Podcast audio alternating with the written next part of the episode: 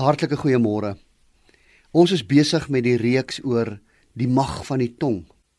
En vanoggend praat ons oor die positiewe gebruik van woorde. En woorde kan so opbouend wees en so positief gerig wees. Die Bybel sê in Spreuke 16 vers 24: Aangename woorde is heuning, soet en geneeskragtig vir die mens. Jy sien heuning is 'n natuurlike antibiotika wat genees en wat energie gee. En die Bybel sê dis hoe ons woorde moet wees. Ons woorde moet genesend inwerk in mense se lewens.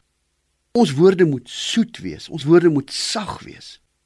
Kan jy nog die harde woorde onthou wat iemand teenoor jou geuiter het?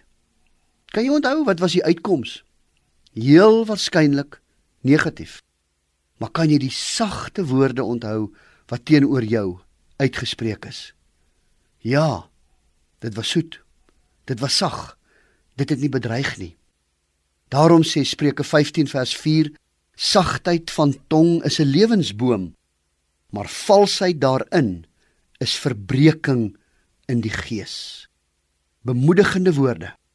Jy kan dit goed doen. Jy kan glo net in jouself. Jy het 'n gawe. God sal jou die krag gee. Vra vir die Here. Dis klomp bemoedigende woorde wat jy vir mense kan sê. In die Griekse teks in Spreuke 15 vers 4 sê die Grieks ook dat woorde 'n medisyne is. Dat woorde regmaak, dat woorde gesond maak.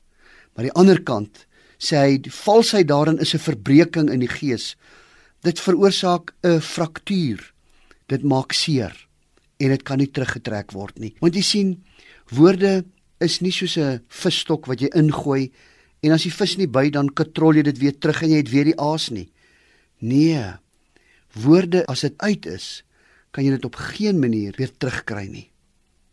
Wil jy nie in hierdie week opbouende woorde gebruik? Wil jy nie spesiaal vandag vir iemand 'n kompliment gaan gee wat dit verdien nie? Wil jy nie iemand in jou omgewing gaan aanmoedig, iemand in jou gesin?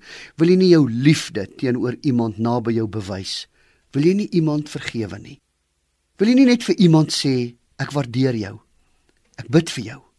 Ek is trots op jou. Vergewe my. Here, help ons om mense te bou deur ons woorde. Amen.